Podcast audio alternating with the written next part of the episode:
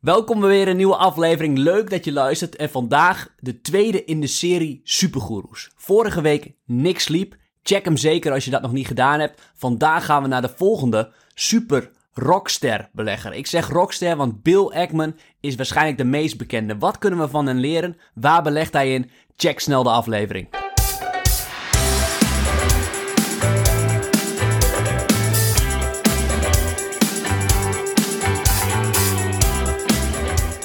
Ja, leuk dat je luistert. Mijn naam is Barbara. En ik ben Rowan. Ja, en Rowan, deze keer weer een beleggersgoeroe. Bill Ackman. Bill Ackman. Ik ben benieuwd, wat kunnen we deze podcast verwachten? Nou, ik denk dat we van zijn grote fouten kunnen leren. Hij heeft een fenomenaal track record, maar ook een paar gigantische, wat mij betreft, beginnersfouten gemaakt. En ik hoop dat de luisteraars wat van mijn fouten hebben geleerd die ik de afgelopen jaren heb gemaakt. En dan, zo leren we allemaal ook van Bill. Oké, ik ben heel nieuwsgierig. En wat wel mooi is, hij is een activistische aandeelhouder. In tegenstelling tot die andere goeroes, die vooral passieve aandeelhouders zijn. Oké, ik denk dat je straks uit gaat leggen wat je daar precies mee bedoelt. Laten we dat doen. We hebben nog een aantal hele leuke reacties gehad op de vorige aflevering Ja, over ja. Nick Sleep. Dat vonden we echt super gaaf. Blijf vooral reageren als je, als je een mening hebt erover. Ehm, volgens mij kreeg jij ook eh, allemaal goeroes toegestuurd nog. Ja. Die je niet had genoemd. Zoals Peter Lynch bijvoorbeeld. Waarom die niet in het rijtje voorkomen. Ja, dat hebben we eigenlijk arbitrair gekozen, dit rijtje. We, we. Ik heb dat zelf beslist. ja, soms mag ik zelf dingen beslissen. Daar neem ik dan eh, in onze relatie, daar maak ik dan gebruik van. Ehm, nee, maar ik heb ze gekozen omdat ze allemaal nog actief zijn. Dus dat betekent dat we hun posities en hun aankopen kunnen tracken. Ja. En dat maakt het misschien wat leuker, wat actueler. Maar het lijkt me ook heel leuk om een serie te maken over de, de goeroes die misschien al eh, ja, niet meer onder ons zijn. Zoals Benjamin Graham en Peter Lynch. Dat is misschien een mooie serie voor de toekomst. Zeker. Laten we dan naar Bill Ackman gaan. Oké, oké. Ik ben benieuwd wat je ons gaat vertellen over deze beste man. Ja, Bill Ackman is best wel een eh, flamboyante belegger. Dat komt omdat hij een activistische aandeelhouder is. Een activistische guru. Hij is hedge fund manager en koopt voor een deel posities in bedrijven. Nou, dat deed Nick Sleep ook. Dat doen de andere goeroes ook. Maar Nick Sleep zegt vervolgens: ik koop aandelen in Amazon en ik doe verder helemaal niks meer. En een activistische belegger, die koopt een belang van bijvoorbeeld 10% in een bedrijf en gaat daar dan ja, naar het hoofdkantoor op de deur bonken en zegt dat de dingen moeten veranderen. Hij maakt gebruik van zijn positie als aandeelhouder. Ja, ja. En dwingt bijvoorbeeld ook af dat er een van zijn vriendjes in de raad van commissarissen moet komen.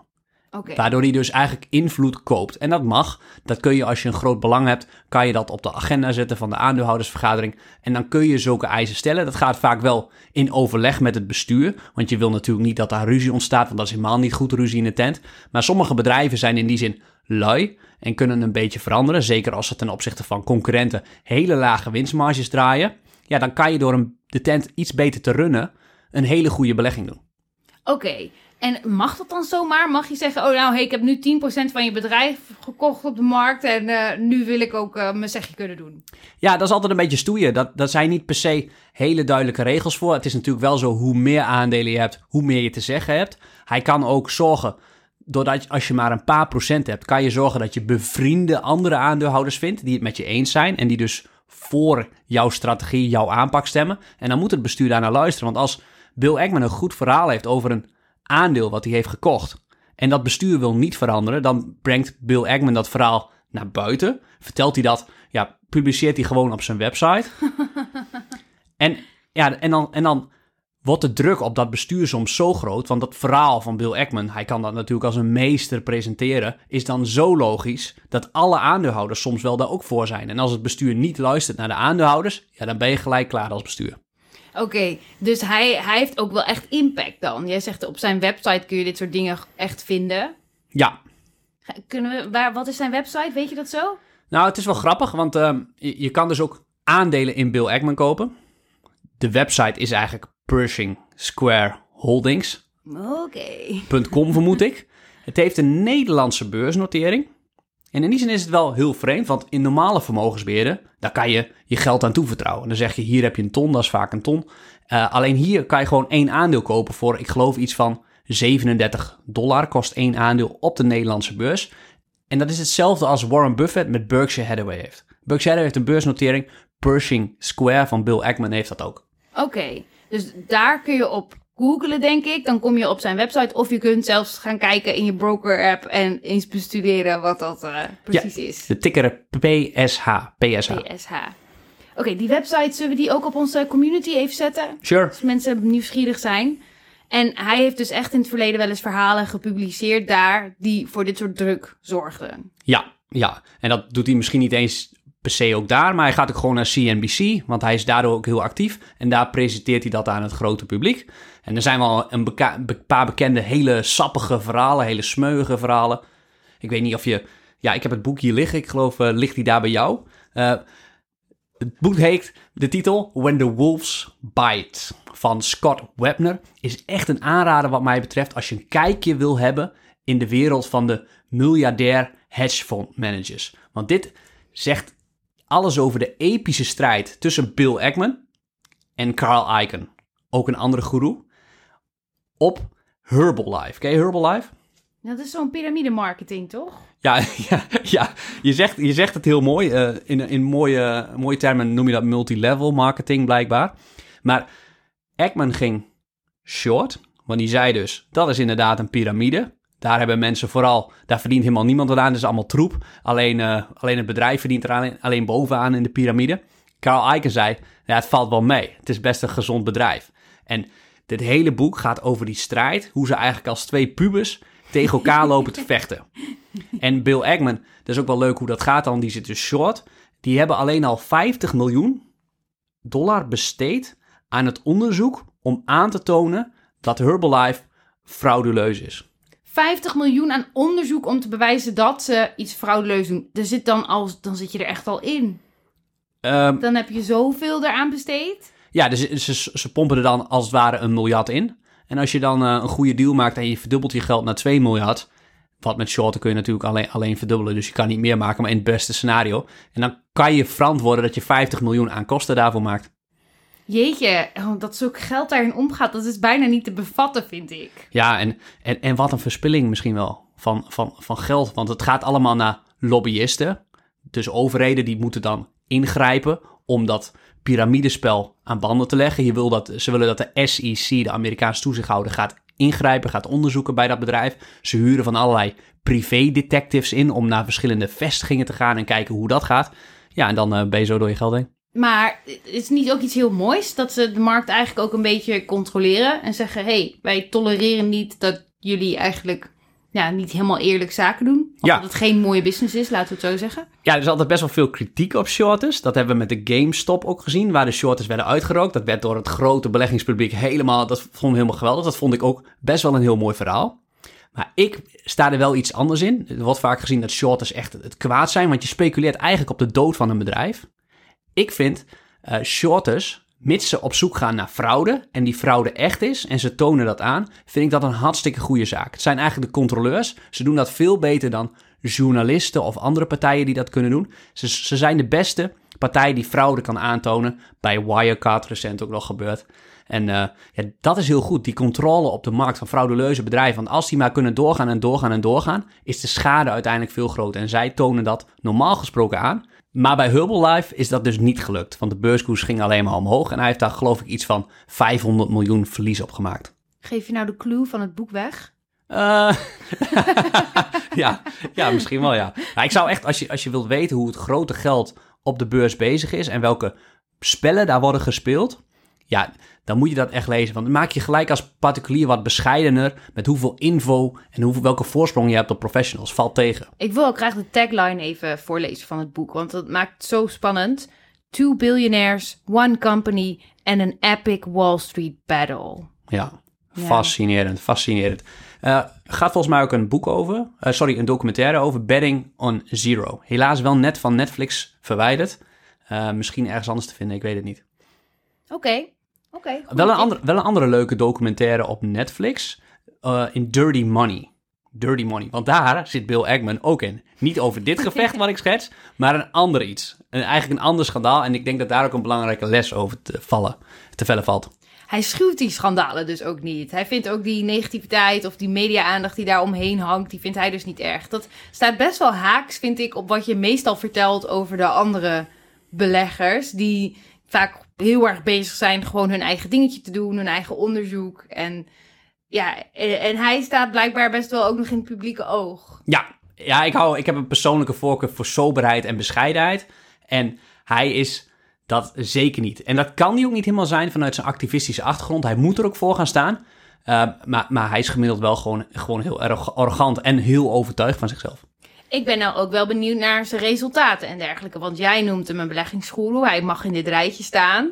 Maar we hebben eigenlijk nog niet gehad over waarom hij in dit rijtje mag staan. Behalve dat ik nu wel weet dat hij biljonair is. Dus dat hij ergens al iets uh, goed gedaan heeft op de beurs. Ja, nou hij heeft uiteindelijk een fantastisch track record van de periode 2004 toen hij met Pershing Square begon tot aan 2020. Een gemiddeld rendement van 15,2% per jaar.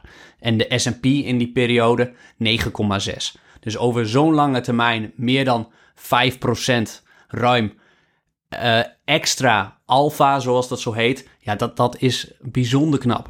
Oké. Okay. Dat is bijzonder knap. En mensen die nu zijn begonnen met beleggen, 15,2% per jaar, zullen wel denken: ja, de beste belegger ter wereld. Hoe, hoe krijgen die? Ja, het is, het is echt heel knap over zo'n lange periode waarin aandelenmarkten steeds efficiënter en efficiënter worden. Het is best wel moeilijk om de index te verslaan. En als je dat voor elkaar krijgt, ja, pet je af. Oké. Ondanks, en, en dat gaat over die, ik weet niet of je nog wat wil vragen, maar anders ga ik over die serie van Dirty Money. Dat gaat over Valiant. Daar is hij in één bed 4,6 miljard dollar kwijtgeraakt.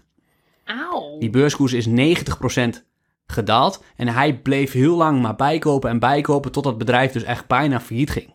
Daar heeft hij zich flink aan gebrand, daar zat hij dus ook long. En dat was ook best wel een schandaal, want wat dat bedrijf deed, wat soms ja, wat, misschien heel slim lijkt, maar uiteindelijk is het heel dom, is andere medicijnbedrijven kopen, patenten vooral opkopen. Die kochten ze, snijden ze gelijk de hele onderzoeksafdeling weg. En het enige wat ze hebben zijn die medicijnen die al op de markt zijn. Dus ze verlagen die kosten van die onderzoeksafdeling. En wat ze gelijk ook doen, is de prijzen van die medicijnen met 3, 400, 500 procent verhogen. Wow. Ja, dus dat, dat is wel heftig. Daar is ook vandaar ook dirty money. Dat je op zo'n manier geld wil verdienen aan patiënten eigenlijk. En ze wisten natuurlijk wel welke medicijnen ze moesten uitkiezen. Niet zomaar hele simpele medicijnen waar alternatieven voor zijn, maar medicijnen dat als je die niet slikt, dat je dan het zwaar gaat krijgen. Ja, en daar hebben ze echt wel de boel besodemiet het echt. Ook de verzekeringsmaatschappijen, want dat proberen ze dan, dat de verzekeringsmaatschappijen dat dat uiteindelijk betalen en niet de patiënt zelf. Nou ja, dat is heel schandalig, want daardoor gaat natuurlijk voor iedereen de verzekering omhoog. En uh, ja, er zijn de excessen van het kapitalisme. Ik vind wel dat je nu twee tegenstrijdige dingen hebt gezegd over Bill Ackman. In de zin van, als hij zoveel onderzoek doet en hij heeft 50 miljoen in, in Herbalife gestopt, dan zal hij hier ook onderzoek naar hebben gedaan. Dan zal hij toch enigszins ook hier moeten hebben geweten dat het niet allemaal mooie business was. Dus hoezo pakt hij Herbalife dan aan op het feit dat het geen mooi businessmodel is? En gaat hij hier long? Dat, ja. dat snap ik dan niet helemaal. Ja, je, ken je het boek The Outsiders inmiddels van Thorndike? Ik heb het vaak genoemd, denk ik. ja. Hij kwam, toen dat boek net uit was, of nee, iets langer, kwam hij met dat boek tijdens een presentatie over Valiant. Hij zei, deze CEO van Valiant, dat is een outsider. Dat is een genie. En ik denk dat hij te blind is gaan varen op het genie van die CEO. Hij is daarop gaan vertrouwen en heeft daardoor te weinig onderzoek gedaan. En het was misschien ook wel te lastig om dat onderzoek goed te doen, want er zijn nog een paar andere hele bekende, Jeffrey Uben en Sequoia Capital, ook hele grote beleggers met fantastische track records, die in één keer dat track record kwijt zijn omdat ze daar ook vol in zaten. Het was vooral een, een hype, een geliefd aandeel op Wall Street, dat maar bleef stijgen en stijgen, ja, totdat de tent in de brand stond. Oké. En ik denk, ja, is dat achteraf te voorspellen? Dat weet ik niet helemaal. Je kan niet de, de hoeveelheid van fraude zien, maar de agressie die bij dat bedrijf zat, dat kun je wel afzien aan de CEO. De CEO die zo graag andere partijen wil kopen, wil kopen en kopen. Ja, dat is soms wel erg gevaarlijk. Ja, je noemt dat in de training wel eens zonnekoningen gedrag. Dat het alsmaar meer moet zijn en het imperium moet groter worden. En jij zegt dan, het, is een, het kan een, echt een rode vlag zijn. Dat zeg je dus hier ook, van dat dat echt wel een signaal kunnen zijn. Ja, ik, ik kan me nog een quote van die CEO herinneren. Daar werd hij gevraagd in een interview. Um, blijven jullie overnames doen? Zegt hij, ja, anders is het leven maar saai. Oké, een duidelijk signaal dus. Ja, zeker. Dit was dan denk ik een van de grote fouten die Bill Ackman gemaakt heeft. Ja. Met als gevolg dat hij toen het in 2015 begon, tot en met 2018, vier jaar op rij, negatieve rendementen voor zijn klanten heeft behaald. De beleggingswereld was wel klaar met Bill Ackman. Dit was na zijn blunder met Valiant. Ja, tijdens zijn blunder. Dus zijn blunder duurde een tijdje, want die beurskoers bleef maar dalen. Zijn andere beleggingen gingen ook niet allemaal even goed. Dus ja, qua reputatie was, was het wel een beetje klaar met hem. Hij had eerst 20 miljard onder beheer en dat zakte toen eigenlijk naar 4 miljard. Dus beleggers trekken het dan weg. Totdat 2020 kwam. Dat is nog maar net. Dat is nog maar net. Want toen? Dat jaar 70% rendement. 70%. Wow. Want hij heeft, ja, we hebben het over die fouten, maar wat hij geniaal heeft gedaan. Ik, ja, ik laat iedereen aan hun eigen oordeel over of het geniaal is. Hij heeft begin maart een verzekering gekocht ter waarde van 27 miljoen. Zogenaamde credit default swaps. Gaat wat te ver om dat precies uit te leggen. Maar die leverde 2,6 miljard op. 27 miljoen, 2,6 miljard.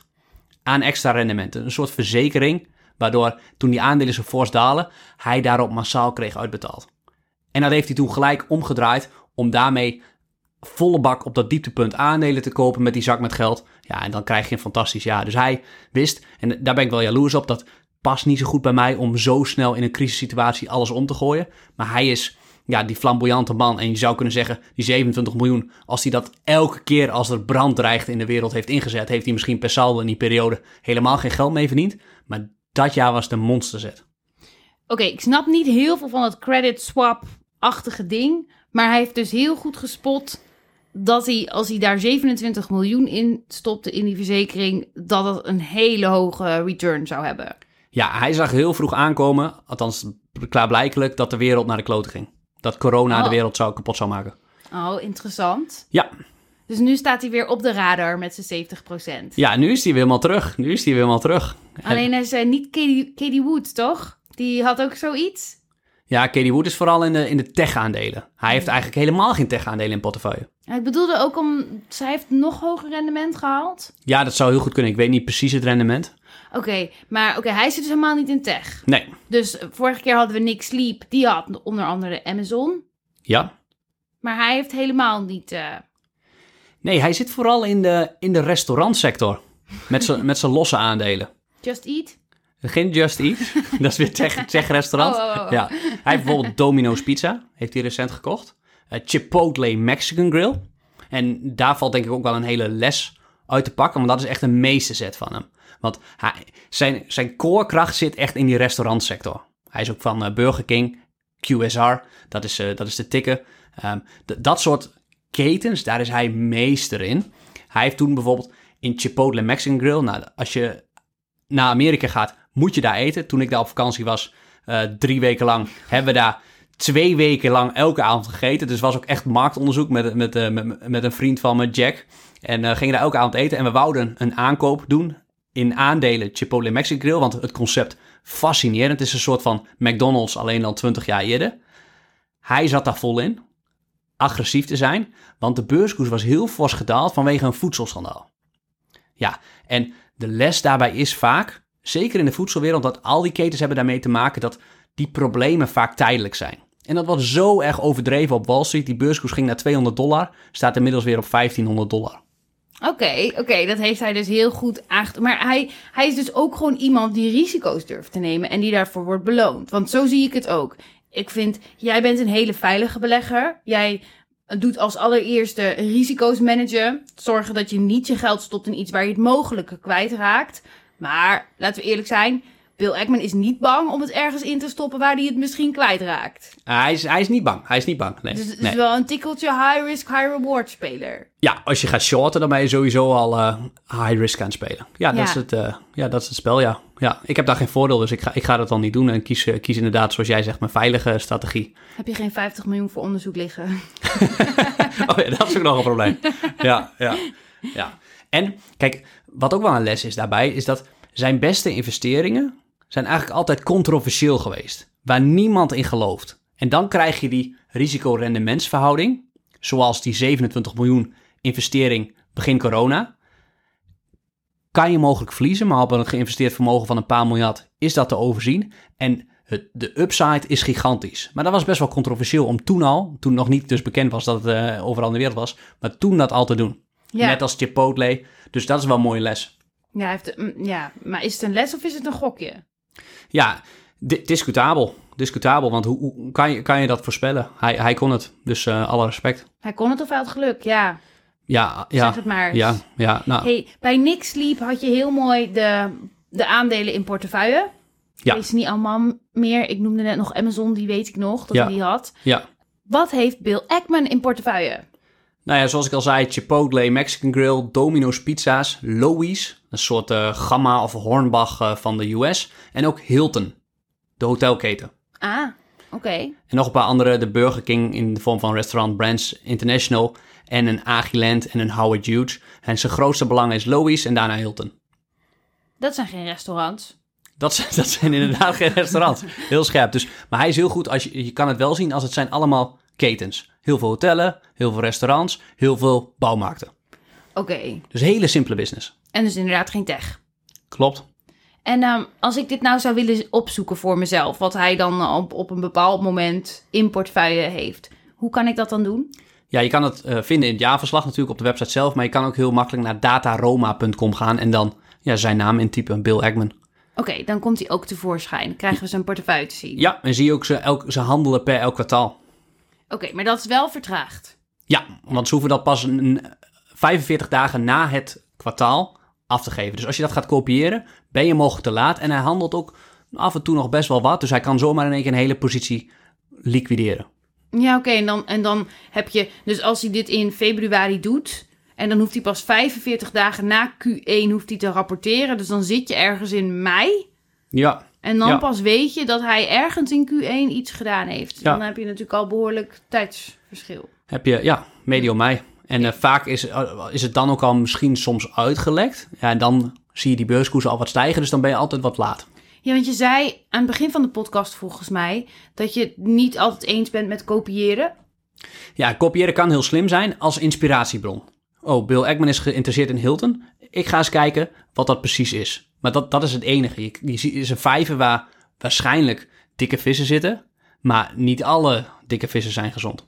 En bij zo iemand als Bill Ackman wil je er dus van bewust zijn dat er soms ook wat risicootjes tussen zitten. Ja, en mogelijk kan die ook weer short gaan op andere partijen, waardoor hij dus een soort van tegengesteld belang heeft. Dat is iets wat Bill Ackman doet. Die andere vermogensbeheerders doen dat eigenlijk niet. Die gaan alleen long. Maar hij kan ook short zijn en dus een soort van tegengesteld belang hebben. Kan je dit iets verder uitleggen? Nou, stel je voor dat hij nu zit die Hilton long. Dat is eigenlijk een bet op de toerisme. Ja. Eens? Eh, hij zou dan ook short kunnen zitten op iets wat daar tegenovergesteld dan is. Zoals, Mm, vliegtuigen. ja, dat zou kunnen. Als hij bijvoorbeeld niet overtuigd is dat toerisme gaat herstellen. Maar hij denkt wel dat Hilton sowieso een goed bedrijf is. Kun je je risico afdekken door short te gaan op vliegtuigen. Je zou ook short kunnen gaan op andere hotelketens. Als hij denkt echt van...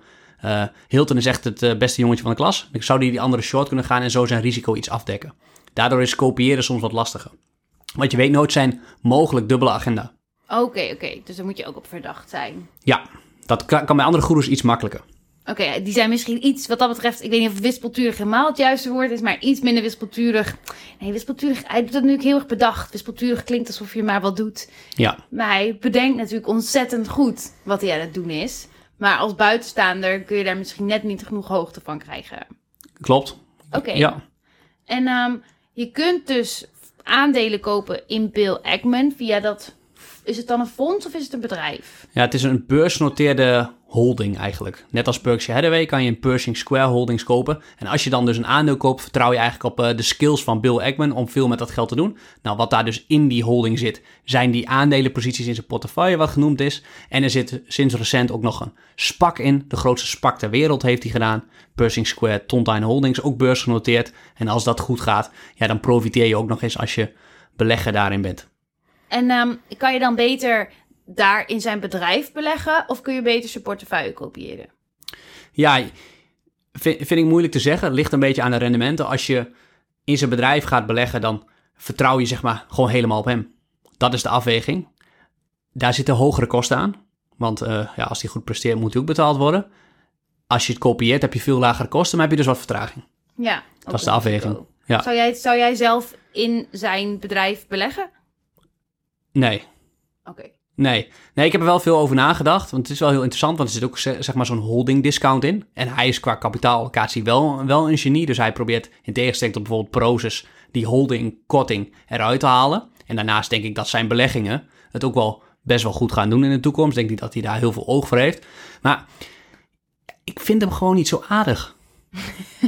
ja, ja dat, is, dat, is, dat is heel Waar simpel, maar... baseer je dit dan op? Ja, ik, ik zou als ik een dochter heb, zou ik hem niet eh, toevertrouwen om met hem te trouwen. Nou kan dat, is dat misschien Ja, dat, kort dat- leeftijdsverschil niet. Maar je snapt, je snapt denk ik wat, wat ik bedoel. Ik, het, het, het moet goed voelen, de integriteit. En ik denk dat hij op dat gebied wel misschien een paar, paar misstapjes heeft gemaakt. Twijfel je aan zijn integriteit? Mm, ik ben niet overtuigd van zijn integriteit. Ja, het is zo, ik vind dat ook altijd wel grappig bij dit beleggingsspelletje. Het is natuurlijk maar net wat vind je belangrijk. Uiteindelijk gaat beleggen gewoon over... gaat een bedrijf goed presteren of niet... als je het echt heel plat wilt slaan. Ja? En dan zou je dus ook kunnen zeggen... de beslissingen die ik neem hebben niet een ethische waarde... maar hebben een soort van rendementwaarde. Gaat het goed renderen of niet? En zou je kunnen zeggen dat Bill Ackman enkel en alleen de keuze maakt... ga ik hier de mooiste rendementen halen, ja of nee? Eh, ja, ja. Ja, hij is echt, eh, echt geldgedreven. Ja, Ja, En, ja. dan, en dan kan je die hele integriteitskwestie zou je dan buiten, buiten beeld kunnen houden. Want dan kan hij zeggen, ja, dat is niet waar ik me mee bezig hou. Ik hou me bezig met rendementen. Ja, dat is heel goed wat jij zegt. Maar als je het hebt over integriteit in de vorm van eerlijkheid, duurzaamheid, betere wereld, dan ben ik het helemaal met je eens. Alleen, ik denk dat hij ook soms een te groot ego heeft. Oké, oké. En, en dat dat nogal voor, vanuit rendementsperspectief een probleem kan zijn. Dat het dus echt minder rendement kan zijn doordat hij een wat groot ego heeft soms. Ja, ja. Hopen dat hij onze podcast maar niet luistert, hè? Ai, ai, ai, ai. Oké, heb je nog wat toe te voegen? Nee, ja, ik zou, ik zou Dirty Money gaan kijken. Op, eh, op Netflix staat dat. En die andere die eraf was gehaald? Ja, die heet eh, Betting on Zero. Die is eigenlijk nog beter, maar die eh, staat dus niet op Netflix. Ik weet niet waar die verder staat. Oké. Dan heb ik zelf nog een laatste vraag. Oh oh. Het klinkt niet alsof je hem heel hoog hebt zitten. Dus waarom zit hij in het rijtje? Ja, hij, hij is wel bizar slim. Hij heeft een fantastisch track record. Zeker voor iemand die ook short erbij, wat best wel een moeilijke game is om zo lang mee te draaien. Maar eh, hij, hij is misschien wel de meest bekende en de meest veel besproken. Dus ik, ik wilde hem graag bespreken. En bovendien hebben best wel veel Nederlandse beleggers aandelen in Pershing Square Holdings, omdat het toevallig in Nederland dus beursgenoteerd is. Oké. Mm, Waarom hebben veel Nederlandse beleggers hem nog maar? Nou, simpelweg omdat hij in Nederlands beursgenoteerd is. En Nederlanders, ja, als Nederlander heb je vaak een home bias en kijk je veel wat hier op de beurs staat. En dan komt dat zomaar eh, in portefeuilles voor, want Nederlandse beleggingswebsites die schrijven daarover. Ah, zo. Dan krijgt hij extra aandacht. Dan wordt in Nederland relatief meer gezien omdat zijn bedrijf hier beursgenoteerd is. Waarom is hij niet in Amerika beursgenoteerd? Ja, ik denk dat de eh, aantrekkelijkheid, misschien fiscaal, eh belastingredenen om in Nederland naar de beurs te gaan, was heel aantrekkelijk. Ah, Zoiets moet oké. het zijn, dat wordt allemaal geoptimaliseerd. Oké, oké. Ik heb geen verdere vragen meer. Ik ook niet. Dan eh, laten we het hierbij. Dan dank ik iedereen weer voor het luisteren. En jij Ik bedankt ook. voor de goede vragen. Ja, en jij bedankt voor deze mooie podcast. Tot de volgende keer. Tot de volgende keer. Hoi. Doei.